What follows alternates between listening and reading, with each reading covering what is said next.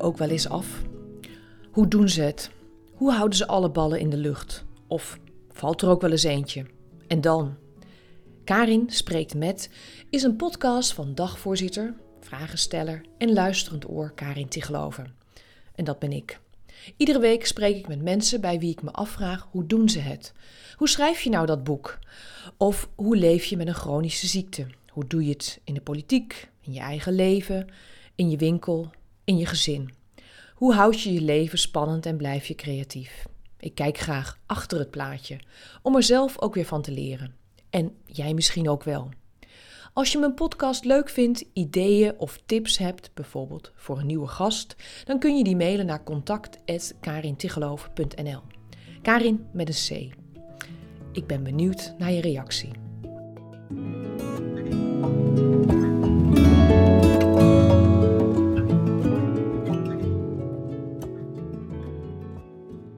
Dat ondernemerschap, dat mag gewoon licht voelen. Uh, en op het moment dat het in mij licht voelt, dan gaan dingen ook moeiteloos of makkelijk. Uh, en op het moment dat het zwaar wordt, dan ben ik aan het ploeteren. En dat voelt heel tegen natuurlijk, maar juist dan moet ik afstand nemen. Want wilskracht en doorzettingsvermogen kom je een heel eind mee. Maar ja, levert uiteindelijk niet die bijdrage aan dat vrije leven of dat lichte leven. Of, ja. Eike Borghuis is de eerste gast van Karin Spreekt Met. Met Eike Borghuis dus. Ze is oudste dochter. Van een oudste dochter, van een oudste dochter. Haar klanten zijn ook oudste dochters. Toen ze zich dat realiseerde, besloot ze zich ook op deze groep vrouwen te richten. Ze gaat met hen in gesprek en begeleidt hen bij verschillende fasen in hun leven.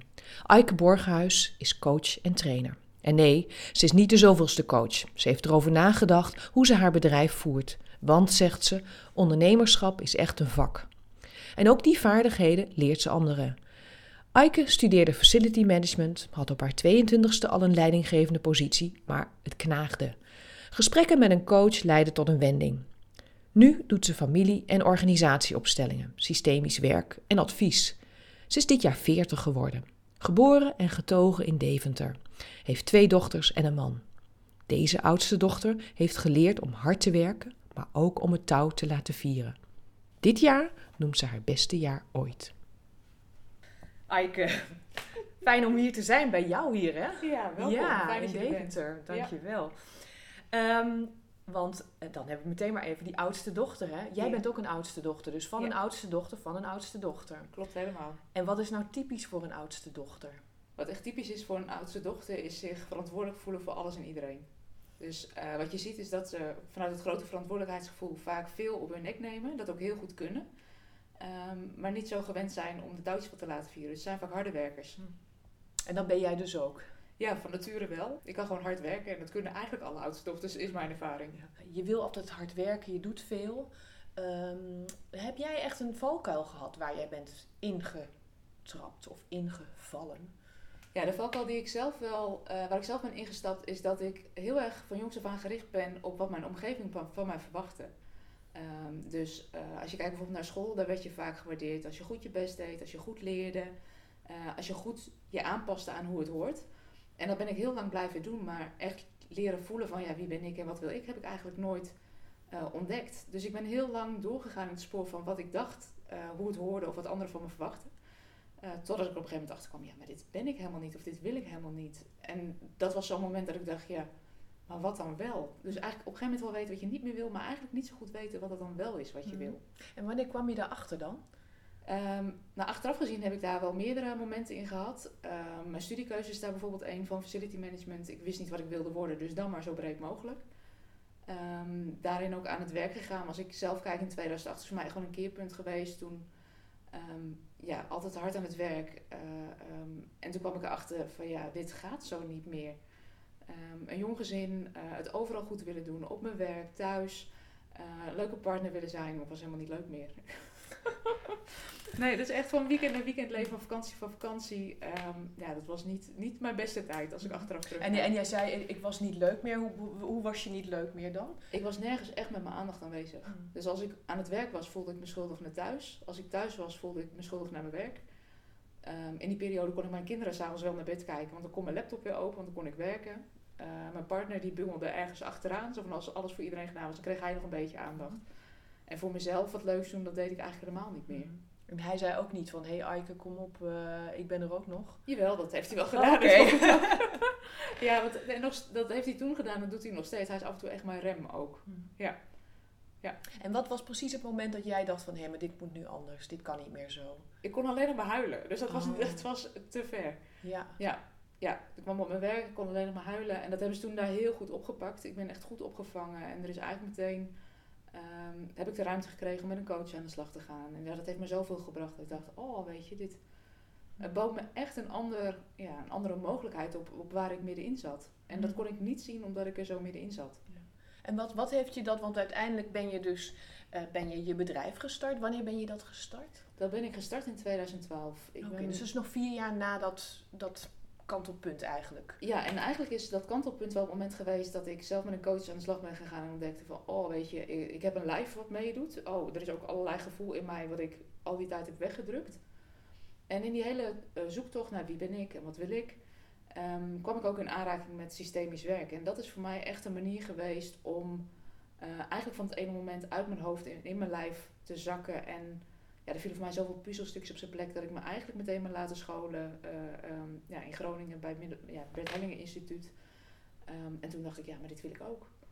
En even systemisch werk. Ja. Want ik weet hè, dat, dat ik ken, je hebt familieopstellingen. Hè, dan Ja. heeft iemand een vraag en dan worden eh, bepaalde personen uit diens leven of uit diens familie worden daar neergezet. Ja, klopt. Ehm, kan jij nog wat kort wat toelichten wat het nou precies is of wat het doet? Nou, wat het voor mij doet, is dat je ehm, vaak in je eigen eh, hoofd heb je een film gemaakt van hoe een situatie in elkaar steekt. En wat je eigenlijk met een opstelling doet, is dat je van een afstandje kan kijken naar de situatie waar je eerst middenin zat. Dus je zoomt eigenlijk uit, dus je krijgt een, ja, een groter beeld van wat er gebeurt. Ehm, en daardoor vallen, eh, worden ineens patronen helder. Van, oh, dit is wat ik altijd heb gedaan of eh, wat ik doe. Ehm, en in een opstelling zak je eigenlijk meteen in je gevoel. Dus je weet iets niet alleen verstandelijk met je hoofd, maar je ervaart tegelijkertijd ook dat het anders kan. En dat geeft vaak heel veel ruimte en vrijheid. Dus dat is wat het mij brengt. En met name die ruimte om het anders te kunnen doen, is ook wat ik van klanten terugkrijg. Van, oh, ik hoef die last niet meer te dragen, of die is niet van mij. Of ehm, ja, ik, ik hoef niet trouw te zijn aan wat ik altijd geleerd heb, maar ik mag mijn eigen keuzes maken. ja. Ja. En, en dat was omdat je het zelf ook hebt gedaan, dat je merkte van hé, hey, hier, hier kan ik dus iets mee. Ja, wat misschien wel leuk is om te vertellen. Ik heb, aanvankelijk had ik een ontzettende weerstand tegen opstellingen. Iemand zei, oh je zou echt eens een opstelling moeten gaan doen. Gaat je zoveel inzicht geven? Toen dacht ik, vaag gedoe. Je zet op mensen neer en die gaan dingen voelen.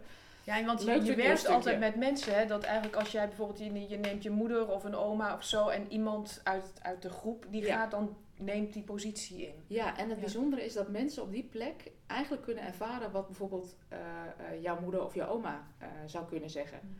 Ehm, dus ik had laatst iemand in een opstelling die zei, oh ik heb zo last van mijn knie. En ik vroeg aan de vraaginbrenger zo van, goh herken je dat? Oh zegt hij, maar mijn vader is net geopereerd aan zijn knie. En dan kan je denken, ja, Hé, hè? hoe kan dat Hoe nou? kan dat nou? Ja. Ja. maar ik ervaar iedere keer weer dat dat werkt. Hmm. Alles is energie, alles is verbonden met elkaar. Je, je werkt met die energie die er dan is. Ja, ja. En wat ik heel fijn vind is dat je daarna ook vaak praktisch en concreet kan maken. Maar wat, wat kan je er dan mee? ja, want je kan het inderdaad wel ervaren, maar ja, dan en dan. Ja, als je, als je weet dat je... Nou, ik, bijvoorbeeld uit mijn eigen leven. Ik kwam vaak in gedoe... Of ja, ik had conflicten met leidinggevenden. En eerst dacht ik, nou, wat een, wat een vervelende leidinggevende. Laat ik wat anders gaan zoeken. Dus ik zocht een nieuwe baan. Nou, dan gebeurde eigenlijk hetzelfde weer. Weer gedoe met mijn leidinggevende. En ik snapte er niks van. Want ik werkte hard, ik was loyaal, ik deed mijn best. Totdat ik voor mezelf een opstelling ging doen. En toen dacht ik, oh, maar die leidinggevende heeft het gevoel dat ik aan zijn stoelpoten zit te zagen. Ehm, en pas op het moment dat ik dat in die opstelling zat, zag en ervaarde, kon ik mij weer opstellen als medewerker. En op dat moment ging dat ook weer. Ja, Merkte je eigenlijk meteen resultaat ook daarvan. ja omdat Ja. ik wat anders deed, kreeg ik een andere reactie bij, eh, bij die leidinggevende. En achteraf gezien is dat voor mij een patroon wat ik uit mijn familiesysteem goed ken. En nog steeds heb ik nog wel eens de neiging om mijn moeder te vertellen wat ze moet doen. Oh ja, heeft ze helemaal geen zin in. Nee. Dat ze denkt, nou, dat, dat, dat kan ik echt zelf wel bepalen. Ja. Dat mijn zusjes zeggen, ja, ik, ik heb al een moeder. eh, je bent gewoon mijn zus. Ik, oh ja. ja. Dus die neiging om me onbewust groter te maken... heb ik ontwikkeld in dat gezin van herkomst. In het gezin waarin ik geboren ben. Mhm. En dat herhaalde ik op andere plekken. Dus op het moment dat ik weet, oh ja, ik ben alleen maar de oudste dochter eh, of de zus van mijn zussen, dan eh, zien ze me ook weer als zus en, en ja, loopt dat weer. Want die, ze hebben helemaal geen behoefte aan dat ik ze ga vertellen wat ze moeten doen. Nee. Nee, dus eigenlijk eh, zie je dat patronen die je ehm, in het gezin waarin je geboren bent ontwikkelt, vaak herhaalt op andere plekken en daar zijn ze niet zo helpend. Mhm. En het biedt heel veel kwaliteiten. Ehm, maar als je echt vrij wil zijn en je eigen keuzes wil maken, kan het helpen om echt op je eigen plek te gaan staan. En dat was voor jou dus ook een punt dat je dat, je dat zelf had gedaan. Dat Ja. je erachter kwam van, hé, hey, zo doe ik dat naar mijn leidinggevende. Ja. En misschien ook wel nou, naar mijn zusters toe. Ja. En ik moet dat anders gaan doen. Ja, Ja. ja, en dat betekent niet dat ik niet nog in die valkuil stap, maar ik ben me veel eerder bewust van wanneer ik het weer doe. Mhm. En ik denk, ik ben niet voor niks voor mezelf gaan werken. Op Nee. zo zin Je houdt gewoon niet zo van bazen natuurlijk. Nee, ik bepaal liever mijn eigen. Ja, ja. Nou ja, maar dat is, Ja. en hoort dat ook eh, bij oudste dochters trouwens? Ik denk dat als je om je heen kijkt naar vrouwen die op posities zitten waar ze kunnen besluiten, of ondernemers, dat dat veel oudste dochters zijn. En dat heel veel oudste dochters, weet je, ze hebben doorzettingsvermogen, ze kunnen verantwoordelijkheid dragen. Vaak een enorme willpower om dingen ook voor elkaar te krijgen. Ehm, en dat brengt ze ook ver. Ja, dus ik denk veel oudste dochters zijn inderdaad succesvolle ondernemers of vrouwelijk leiders op sleutelposities. Ja. Ja. We hadden het er, voordat we dit gingen opnemen, hadden we het er ook al Ja. even over dat jij zei van nou Kamala Harris, de vicepresi- aanstaande vicepresidente van de Verenigde Staten en de vrouw van eh, Joe Biden, Jill Biden. Dat zijn beide eh, ook oudste dochters. Ja. dat klopt. ja. Ja, en dat zie je eigenlijk met heel veel wereldleiders. Want ook ehm, Michelle Obama eh, was ook een oudste dochter. Had wel een oudere broer, maar is nog steeds wel een oudste dochter.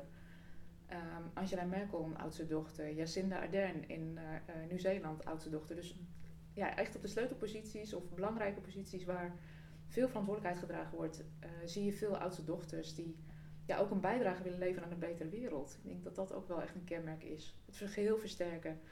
Ehm, ja, daar een bijdrage aan willen leveren. En dat is ook wat jij wilt. Ja, tuurlijk. Ja. Ja. Ja, Ja. ja.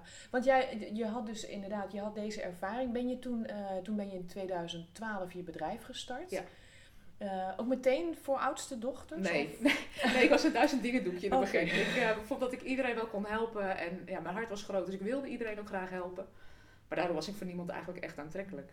Ja, dus dat... Want dan wisten ze niet hoe ze jou konden plaatsen. Nee, nee, want ik, ik deed inzicht en ontwikkelen voor mens, team en organisatie. Ja, daar kan je iedereen in, in stoppen. Maar dat is misschien ook, want dat, dat je als je bij de Kamer van Koophandel moet inschrijven, dat je dan denkt van, oh, ik neem maar een zo breed mogelijke Klopt. definitie van mijn bedrijf, dan valt alles eronder. Ja, ja, precies. Ja. Gaandeweg heb ik ontdekt met wie ik het leukste, het leukste vind om te werken. Ja, dus eigenlijk in je bedrijf ben je pas gaan eh, een, een, een soort, soort fuik gaan maken van, hé, hey, maar daar ben ik echt, dat is mijn eh, doelgroep. Ja, en dat is ook wel met het leren ondernemen. Het is ook ontdekken voor welke mensen kun je nou de meeste waarde toevoegen. Wie kan je nou het beste helpen? En daarvoor gaan staan en je daarvoor kiezen betekent ook dat je kan specialiseren. En mensen doen graag zaken met een specialist. Jij zei eerder al, of en dat, dat noemde ik ook in de Ja. introductie, van, eh, dat eh, het bleek dat veel klanten van jouw oudste dochters waren. Ja, daar was ik me helemaal niet zo bewust van. In, als ik achteraf kijk, heb ik ehm, in 2012 ben ik bij een bedrijf begonnen. In eerste instantie ook naast een baan als wijkmanager bij de gemeente. Ehm, en nou, die oudste dochters kwamen iedere keer wel voorbij. Maar ik heb heel lang gedacht, ja, dat is helemaal geen goed verdienmodel. Want die oudste dochters kunnen het allemaal wel zelf. Dus daar heb ik me eigenlijk heel lang door laten weerhouden. Ehm, totdat ik vorig jaar met een coach aan de slag was. En ze zei, ja, wie, met wie werk je nou het allerliefst? Toen zei ik, ja, met die oudste dochters. En toen zei ze, maar werk je daar ook al mee? Toen ging ik kijken in mijn klantenbestand. Ik denk, ja, 85% is al oudste dochter. Dus eigenlijk is het heel logisch dat ik nu die keuze heb gemaakt. Mooi, ja. Ja. ja. Ja, en wat voor mij zo leuk is aan het werken met de oudste dochters is, weet je, het zijn vrouwen met, ja, die willen de wereld beter maken, groot verantwoordelijkheidsgevoel. Ehm, maar als ze eenmaal besluit nemen dat ze samen aan de slag gaan, dan, dan gaan ze er ook voor. Dus die zijn intrinsiek gemotiveerd om ook ehm, aan de slag te gaan en bereiken daardoor heel snel resultaat. Ja, dat vind ik dan weer leuk. Ja. Hoort ook bij die resultaatgerichtheid van die oudste dochters. Past dan ook weer bij jou. Ja. En als Ja. ik nou als middelste dochter bij jou kom, ben ik dan ook welkom? Ja, tuurlijk. Maar wat je ziet is dat, eh, eh, dat het heel erg gaat om thema's die oudste dochters herkennen. Ehm, dus het gaat over dat geheel versterken, die grote verantwoordelijkheid, eh, voelen en dragen, plichtsbesef. Ze zijn vaak wat serieus, moet wel goed gebeuren, dus de lat ligt hoog. Als, als middelste dochters zich daarin herkennen, zijn ze van harte welkom. En wat je daarin stiekem ook vaak ziet, is dat dan een oudste dochter eigenlijk die plek niet heeft gepakt. Dus dat middelste dochters ook opschuiven Oh ja. Ehm, naar, dat, ja, naar wat eh, die oudste dochter niet heeft gedaan of niet, niet laat zien. Er zijn ook oudste dochters die denken, daar heb ik helemaal geen zin in. Dus die, die vertrekken uit dat familiesysteem of die trekken zich terug, emigreren. Ehm, dus nemen soms echt zo letterlijk afstand dat ze gewoon uit beeld raken of wat verder weg zijn. Ja. Ja, wauw. Ja. En, en ehm, even terug naar jouw bedrijf. Want eh, je Ja. bent dus in 2012 begonnen. Hoe ben je begonnen? Hoe ben ik begonnen? Ehm, de- eerste keer had ik een collega vriend die zei van... Goh, laten we een weekendworkshop organiseren. Dus dat is denk ik ook wel oudste dochter. is niet meteen gewoon klein beginnen met dus een individuele klant. Maar meteen een hele weekendworkshop. Nou, we hebben dat samen georganiseerd. Haar bedrijf liep al goed. Mijn bedrijf niet. Eh, dus dat vond ik ook wel heel spannend. Ik denk, ja, maar dan moeten alle klanten van jou komen. En ze komen niet van mij. En hoe gaat dat dan? Eh, maar toen bleek mijn facilitaire kant heel goed van pas te komen. Dus ik heb draaiboeken in elkaar gezet en de PR-materialen allemaal geregeld. Dus nou ja, zo, zo werd die balans tussen ons wel, eh, wel in orde. En we waren nooit nagedacht over hoe bouw je nou de prijzen op voor zo'n weekend. Dus na dat weekend kwamen we echt dolgelukkig thuis, helemaal enthousiast.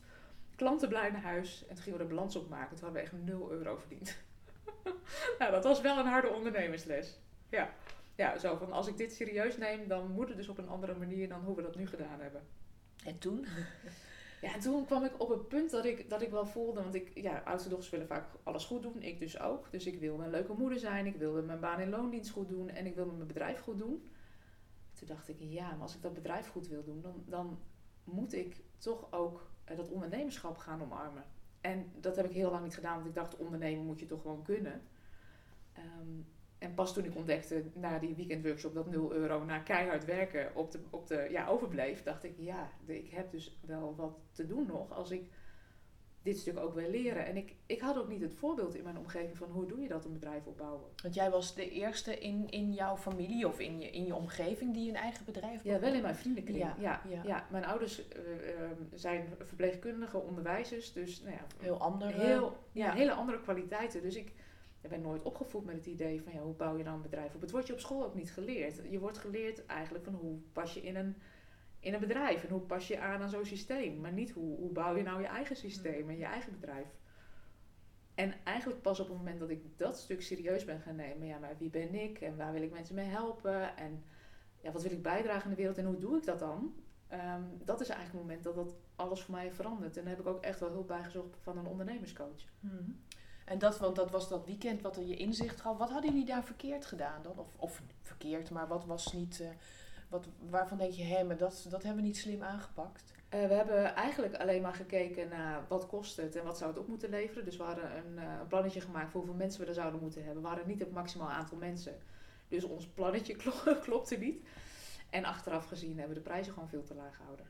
Ja, dus te lage prijzen ge- gevraagd, waardoor we net uit de kosten waren. Ehm, en wel gaan voor een toplocatie. Eh, eh, ja, wat echt wel bij heeft gedragen aan, aan het weekend. Maar ja, niet aan jullie niet aan onze portemonnee. Nee, nee. Nee. nee. En dat is misschien ook wel een valkuil wat je wel vaker natuurlijk ziet. Want je wil graag mensen trekken, dus je wil misschien niet te duur zijn, maar Ja. dan snij je jezelf in de vingers. Ja, en, en we kijken ook vaak, tenminste als je kijkt naar hoe we zijn opgevoed en wat we op school leren, naar kosten. En niet naar wat is de waarde die iets oplevert als je, als je meedoet aan zo'n weekend. Ja, want dat is misschien ook wel een, een lastige. Ik, ik hoorde laatst, of een, dat was een, eh, een heel ander verhaal van iemand. Die wilde ook eigenlijk iets goeds doen voor Ja. iedereen. Hè, en ook mensen trainen en wat meegeven. Ja. En eh, dat is dan iets heel erg van jezelf. En dat het dan soms heel moeilijk is om daar geld voor te vragen. Of dat de omgeving dan zegt van ja, maar ja, ga je daar geld voor vragen? Ja, en het is vaak ook wa- wat, wat jij heel goed kan of doet in je bedrijf, dat gaat je vaak zo gemakkelijk af dat je denkt, ja, maar dat, is zo, dat gaat zo moeilijk, dat kan toch iedereen? Hmm, ja. Maar dat kan niet iedereen. Nee, hè? Nee. Nee, nee dus, dus het gaat er ook, weet je, je bent er heel goed in en daardoor lever je heel veel waarde. En daar mag ja, ook een investering tegenover staan. En ik denk dat het ook nodig is, want als ik nu kijk, ik werk inmiddels samen met, eh, eh, met een team. Ehm, dat kan alleen als ik ook de juiste, ehm, ehm, ja, de juiste waarde vraag voor de diensten. Want daardoor kan ik mezelf vrijspelen om meer mensen te kunnen helpen. Jij zegt van inderdaad van dat weekend, daar heb ik echt van geleerd. Ja. Je bent ook daar training in gaan zoeken of Ja. begeleiding. En wat heb, je daar, eh, wat heb je daar geleerd? Wat heb je daarvan meegekregen? Met name dat het belangrijk is dat je eigenlijk het fundament van je bedrijf goed hebt staan. Dus dat je heel duidelijk weet wie ben ik, wat kan ik heel erg goed, eh, welke betekenis wil ik bieden aan de, aan de wereld, welke klanten werk ik het allerliefst mee. Eh, maar ook van hoe kan ik die klanten nou het beste helpen. Dus ook heel goed weten van ja, waar lopen die ideale klanten nou tegenaan en hoe kan ik ze nou helpen. Ehm, en als je dat heel goed weet, kun je dus ook een aanbod maken wat helemaal aansluit bij waar hun behoefte ligt. Ja, en dan gaat het erom van ja, hoe breng je dat dan naar buiten? Ehm, dan moet je ook nog je aanbod leren verkopen. Want dat, dat eh, leren we ook nooit. Dus dat, ja, als je een fantastisch aanbod hebt, maar je weet het niet te verkopen, dan is je bedrijf toch een hobby. Dus ja, hoe doe je dat? Op een integere manier die past bij jou, die recht doet aan jezelf, maar ook aan je klant. Ehm, ja, dus dat zijn echt dingen die moet je leren als ondernemer. En wat, wat heb jij daarin? Want dat is altijd het punt. Hè, van, ik merk dat zelf ook altijd in mijn eigen bedrijf. Dat ik denk van, ah, al die mar dat heb ik het al, uh, heb ik al gegeten en gedronken. Want het spreekt mij allemaal niet aan.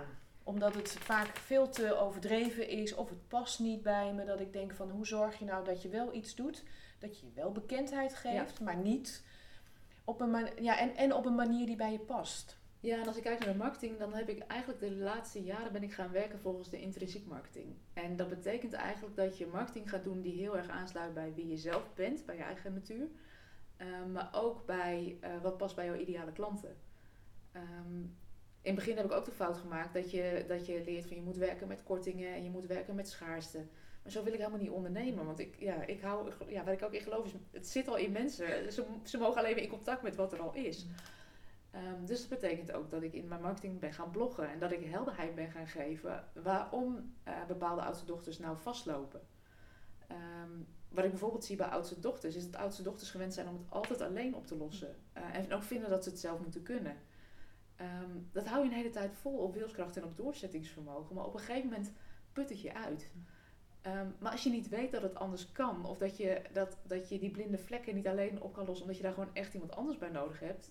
Alle oudste dochters, ik dus ook, dus ik, daar zoek ik zelf ook ja, bij. Ja, ja, um, uh, en dat het niet iets is om je te schamen of dat je, dat je faalt op het moment dat je hulp nodig hebt, maar dat het juist heel krachtig is en dat het je verder brengt.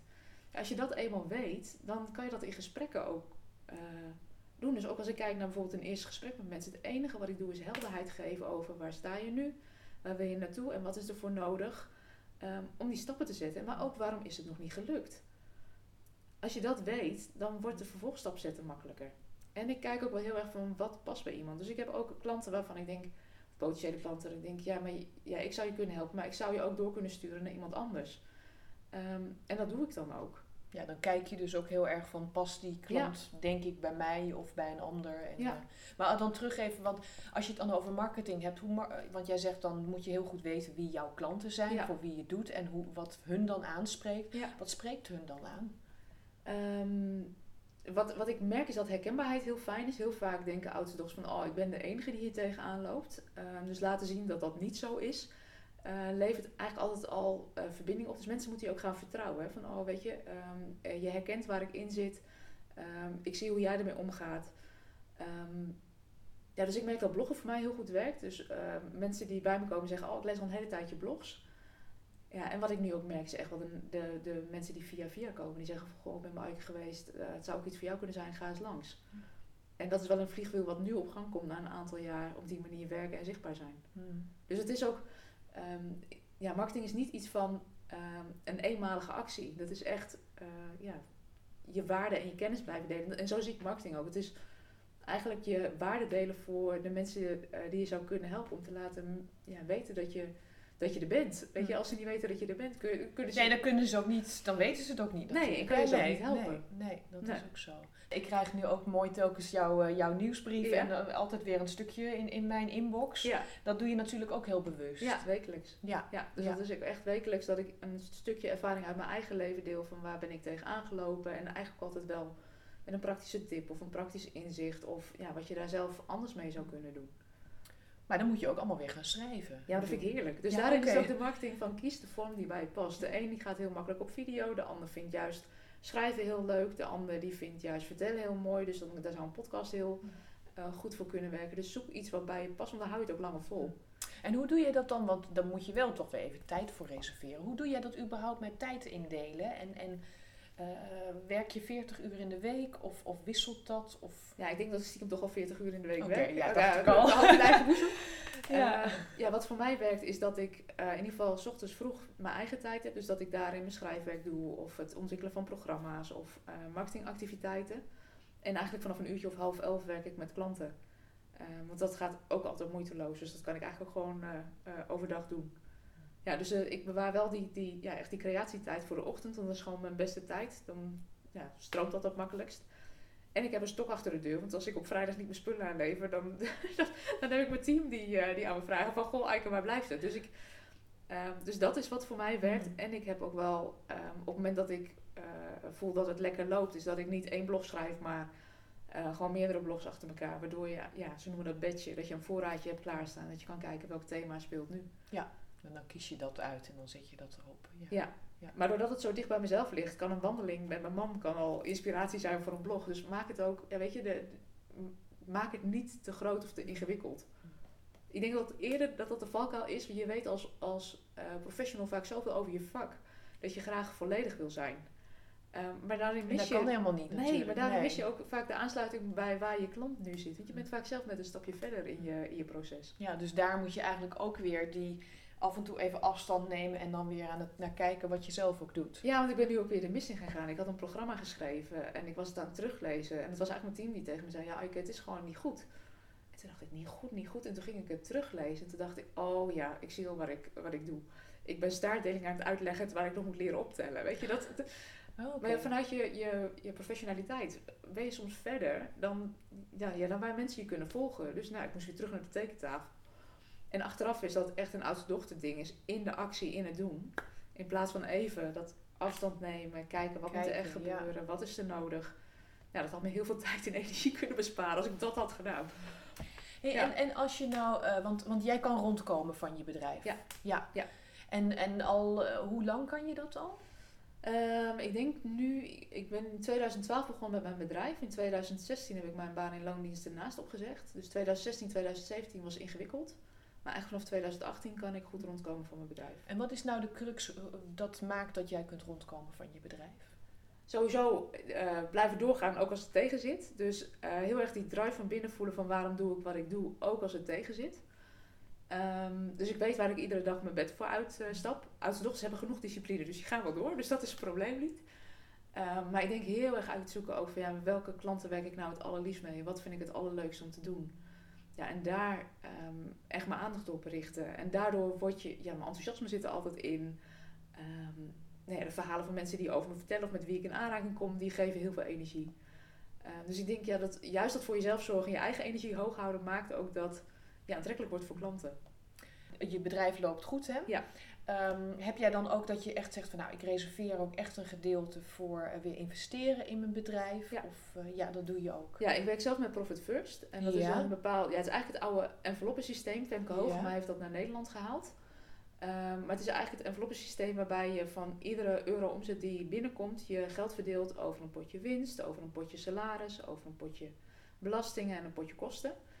Um, Waardoor ik eigenlijk altijd weet van wat is mijn speelruimte op het moment dat, ik, uh, dat de omzet binnenkomt. Dus ik zet ook wel echt geld opzij voor investeringen. En in mijn geval is dat investeringen uh, in een team. Dus ik, ik, de dingen die ik niet goed doe of niet goed kan, besteed ik uit. Er ligt nu weer een boek bij de vormgever. Die kan dat veel beter dan ik. Die maakt het veel mooier. Dus het wordt veel aantrekkelijker. Dat wordt straks een product waar ik trots op kan zijn. Uh, mijn team die de facturatie doet, uh, um, die zorgt dat ik zelf goed in mijn energie blijf. Ik heb iemand die echt wekelijks even met mijn planning ook doorneemt. Want mijn valkuil is om te veel te willen in te korte tijd. En dan ben ik aan het eind van de week ben ik gefrustreerd omdat het allemaal weer niet gelukt is. Uh, terwijl zij me ook leert kijken, nou ja, weet je, wat, waarin maak je echt het verschil voor je bedrijf? En, en wat ga je dan deze week dus wel doen? Dus ja, ze trapt af en toe op de rem van dit weekend. Wordt en hoe vaak spreek je haar dan? Ik spreek, uh, in dit geval gaat het om Mira, spreek ik iedere week. Iedere maandag beginnen we samen de week. Um, ja, en dat is voor mij heel waardevol. Je doet dat wel heel professioneel, hè, eigenlijk. Als ik, dat, als ik zo hoor van, ja, met, ook met je team om je heen. Zij werken eigenlijk voor jou of je werkt samen? Hoe kan je dat... Ja, het zijn ZZP'ers ook, dus Ja. ze werken voor zichzelf. Maar ik heb wel echt vaste afspraken met ze gemaakt over het aantal uur dat ze, eh, dat ze in de maand voor me werken. Um, en als dat nodig is, is dat wat meer. En, en anders dan dus werken ze gewoon de uren die we hebben afgesproken. Ja. En dat is af en toe ook wel spannend hoor, want het gebeurde wel in de coronaperiode dat ik ineens zag, weet je, al mijn, al mijn sessies met groepen gingen niet door, uh, individuele sessies werden afgezegd. Um, dus ik zag wel van ja, weet je, al mijn, mijn omzet daalt, um, maar al mijn kosten lopen wel door. En dan gaat het over teamkosten, dan gaat het om ruimtehuur, dan gaat het om softwarepakketten die ik heb lopen, een boekhouder die maandelijks uh, dingen voor me doet dat ik wel even ook, ook in de stress schoot. Dat ik denk, ja, en nu dan? En wat doe ik dan? Dan ga ik heel hard aan het werk. Ja, dat hield ik een week vol. Toen zei mijn man op een gegeven moment, hier heb je een kopje thee en een dekentje. Ga jij maar even op Netflix. Ja, nu weet het allemaal niet meer. En ja, die ontlading en even in die rust had ik op dat moment ook nodig om te voelen: oké, weet je, mijn bedrijf staat, ik heb een financiële buffer. Ehm, wat kan ik nu doen om wel te helpen? Dus wat kan nog wel? Nou, dus ik ben toen eigenlijk gaan kijken. Een deel van mijn bedrijf staat al online. Uh, um, ik kan klanten ook online helpen. Um, ben ook gewoon gaan bellen met klanten van ja, weet je, hoe is het met je? Kan ik je nog ergens mee helpen? Ja, dat wordt enorm gewaardeerd door klanten ook. Mm. Dus ik vind die persoonlijke aandacht en die betrokkenheid gewoon heel belangrijk. Ja, want jij hebt in een eerder of in een voorgesprek gezegd van dit is mijn beste jaar ooit. Ja. En uh, dat is natuurlijk, klinkt eigenlijk heel apart, omdat uh, vanaf maart al die beperkingen golden. En je dus niet van alles kon doen. Je zegt, ik deed al wat online en ik ben dat gaan uitbreiden. Ja. Um, maar ook wel even inderdaad dat je op de bank hebt gezeten. Dat je dacht van, hoe gaat dat allemaal? Ja, ja. ja. Ja, en ik denk dat dat ook wel de, de kracht is van ondernemers, is uh, creativiteit en flexibiliteit om te kijken naar wat kan wel. Mm. En ik denk dat dat, ja, dus, nou ja, weet je, de groepen konden niet, maar wat kan dan wel? Dus ik ben gaan kijken, kan ik een deel van dat aanbod online maken? Dus, nou ja, een hele dag online is voor mij veel te intensief voor mijn klanten ook. Ik ben kortere sessies gaan plannen, waarbij iedereen eigenlijk na een paar weken al zei, oh, dit is eigenlijk wel heel waardevol. Mm. Um, dat ik zelf online trainingen ben gaan volgen. Ja, ik heb heel lang gedacht, systemisch werk kan niet online. Um, dus ik ben training gaan volgen van hoe kan ik dat wel online doen. Um, ik heb gemerkt dat je telefonisch al veel meer kan doen dan dat ik dacht. Uh, dus het is uh, gaan zoeken naar wat kan wel. En wat ik denk is dat uh, bij vrouwen die toch al voelen van ik zou wat willen, dat de urgentie gewoon groot werd. Zo van ja, er moet nu iets gebeuren. Um, dus ik denk ook dat dat heeft meegespeeld. Dat er ook vrouwen zijn die het heel lang voor zich uit hebben geschoven. Nu we zeggen, ja, nu stap Juist wel omdat in. in deze periode, omdat je dan sowieso meer geconfronteerd wordt met ja, dingen veranderen en, en eh, ja, ja je, je, moet je aanpassen misschien. Ja, waar je eerst nog makkelijk kon zeggen, weet je, ik, uh, als het thuis niet zo fijn gaat, dan, dan uh, richt ik me naar buiten op mijn hobby's, op mijn vrienden. ja, dat ging nu niet. Dus ja, mensen werden ook teruggeworpen op zichzelf, dat bepaalde overleefstrategieën die eerder wel werkten, nu niet meer werkten. En ook ondernemers die zeiden, ja weet je, um, um, mijn, hele, mijn hele agenda is ineens leeg. Wat kan ik dan nu wel doen? En dat die zeiden van ja, ik ga dan nu bouwen aan mijn bedrijf. Dus wat heb ik nodig om dat, uh, om dat fundament van dat bedrijf steviger te krijgen? Dus die zijn nu wel ingestapt. Zo van ja, ik heb het heel lang voor me uitgeschoven, ik had geen tijd. Nu heb ik wel tijd, nou laat ik het dan nu ook gaan doen. Dus ik merk wel dat de, groep met klanten met wie ik werk wat verschoven is. Um, maar dat ik heel erg ben gaan kijken, hoe kan ik ze wel helpen? En is dat, maakt dat dan ook dat dit nu je beste jaar ooit is? Ja, dat en de combinatie dat ik ook jaarprogramma's ben gaan aanbieden. Ik ben vorig jaar vrouwen gaan interviewen van, goh, waar loop je nou tegenaan? Dat zijn met name vrouwen die sleutelposities hebben in organisaties of in uh, zelf ondernemer zijn.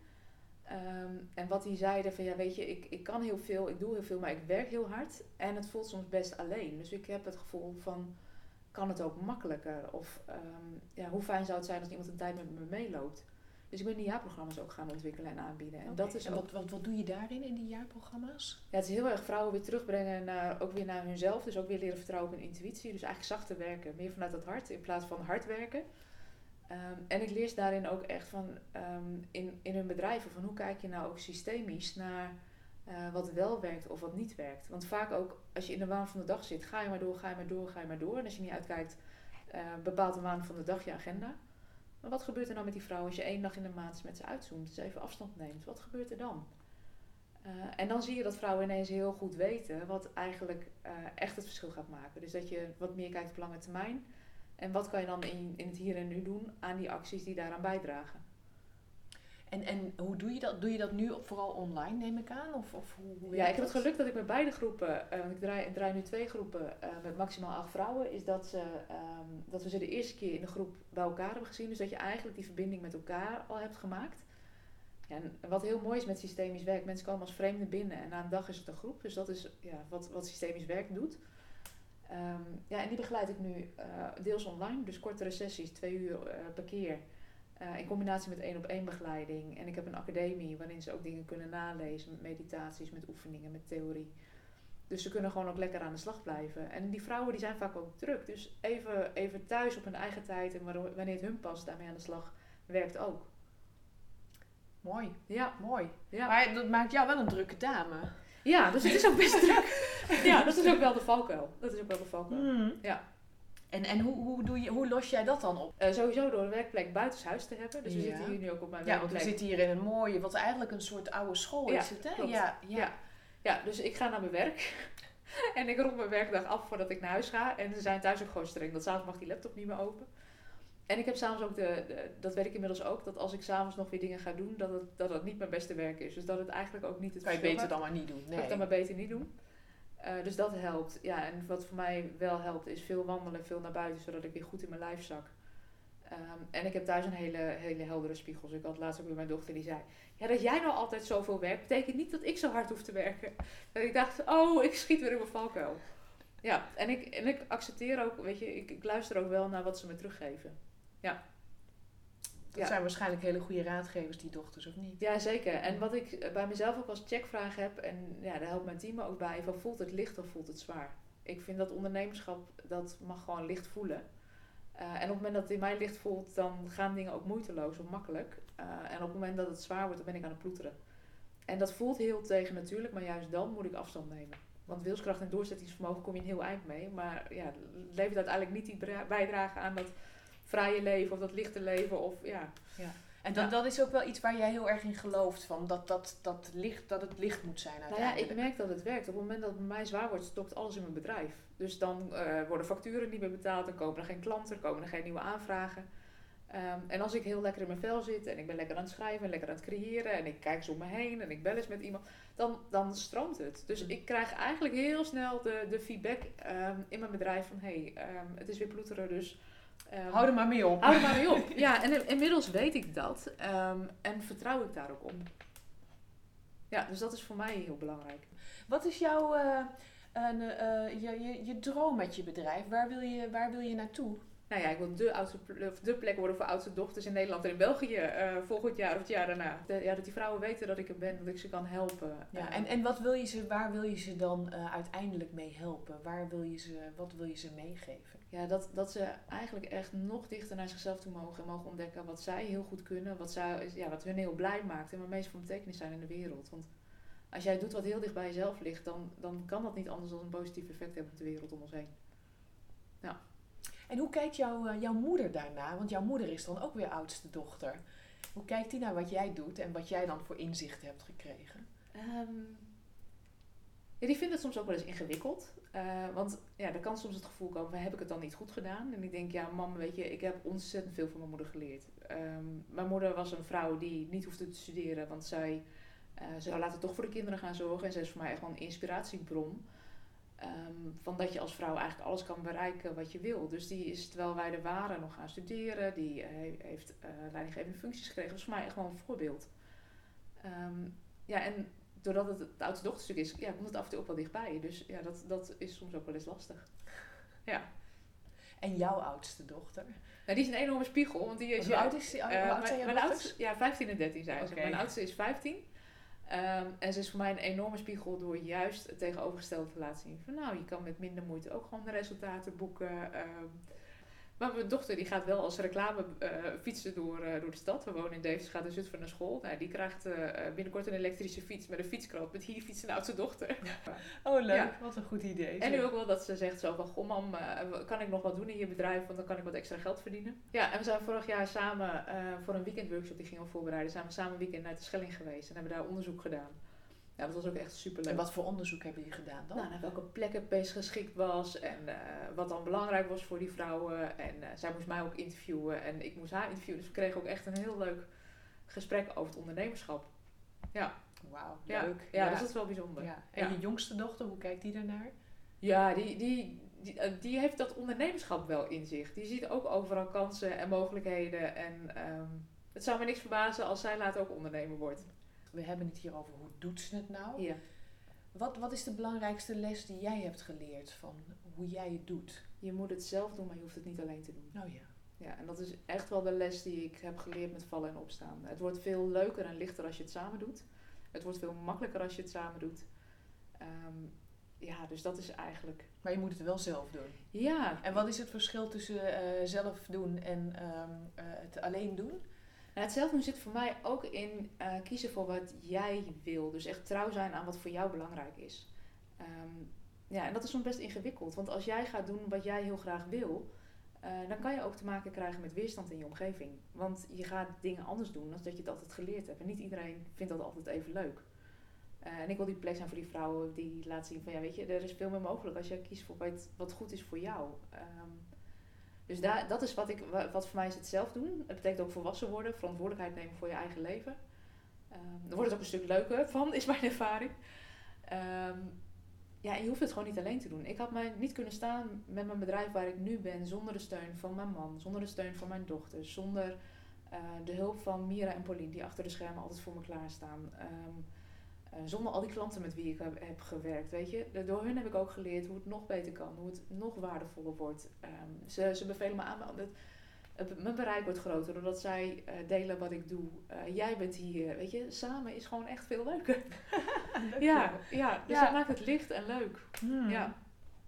ja, mooi.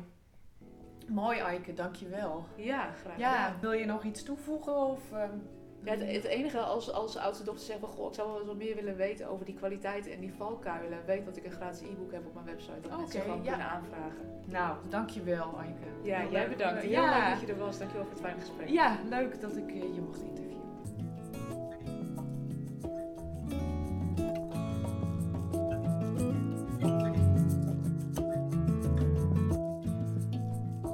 Karin spreekt met is mijn podcast.